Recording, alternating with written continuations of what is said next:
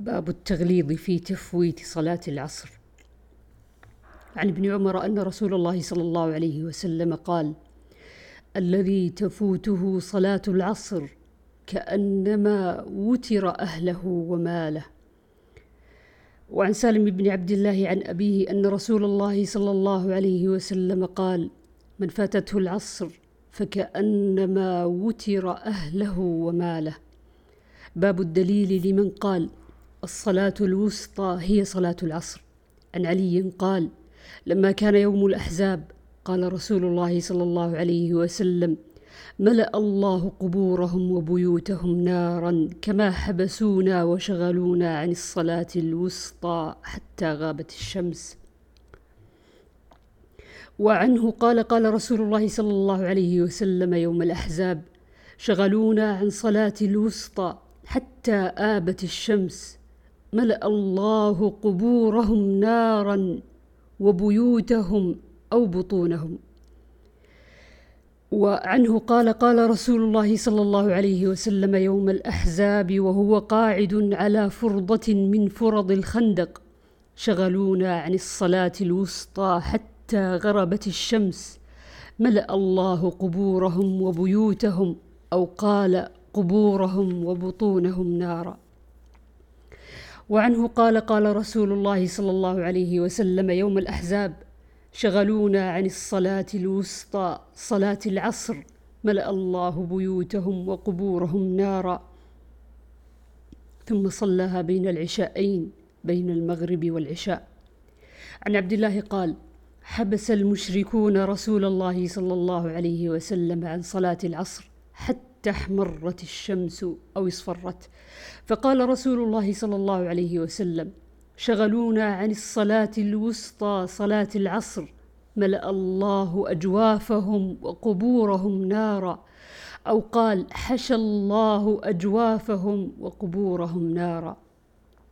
عن أبي يونس مولى عائشة أنه قال أمرتني عائشة أن أكتب لها مصحفا. وقالت إذا بلغت هذه الآية فآذني. حافظوا على الصلوات والصلاة الوسطى. فلما بلغتها آذنتها فأملت علي قوله تعالى حافظوا على الصلوات والصلاة الوسطى وصلاة العصر وقوموا لله قانتين.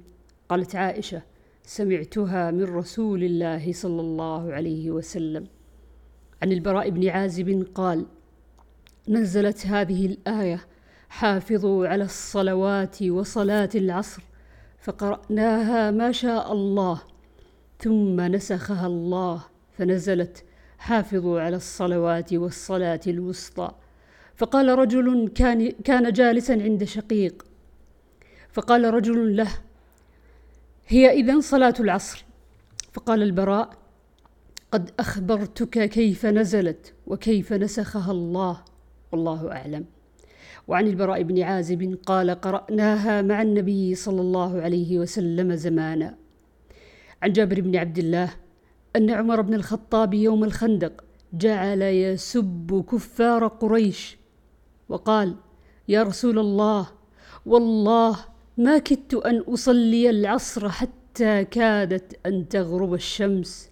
فقال رسول الله صلى الله عليه وسلم فوالله إن صليتها فنزلنا إلى بطحان فتوضأ رسول الله صلى الله عليه وسلم وتوضأنا.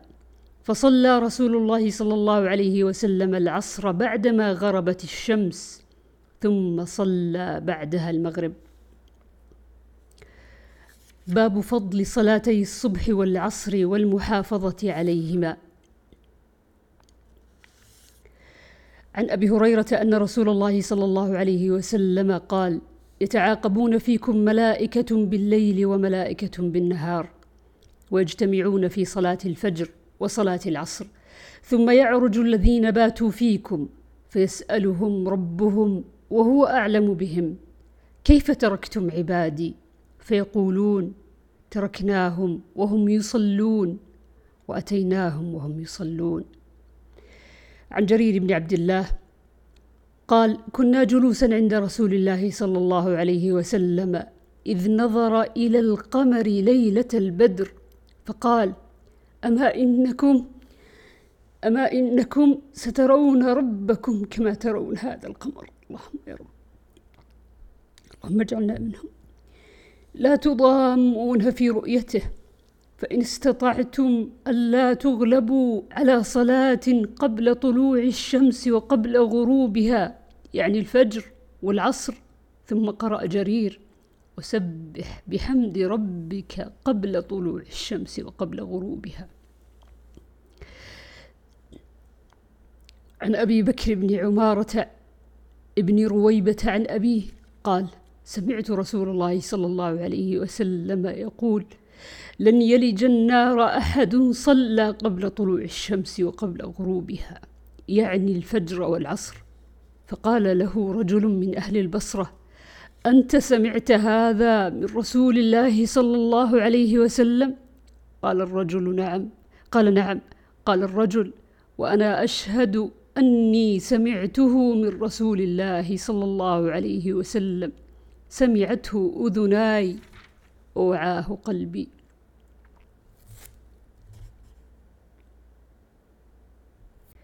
عن أبي بكر عن أبيه أن رسول الله صلى الله عليه وسلم قال من صلى البردين دخل الجنة.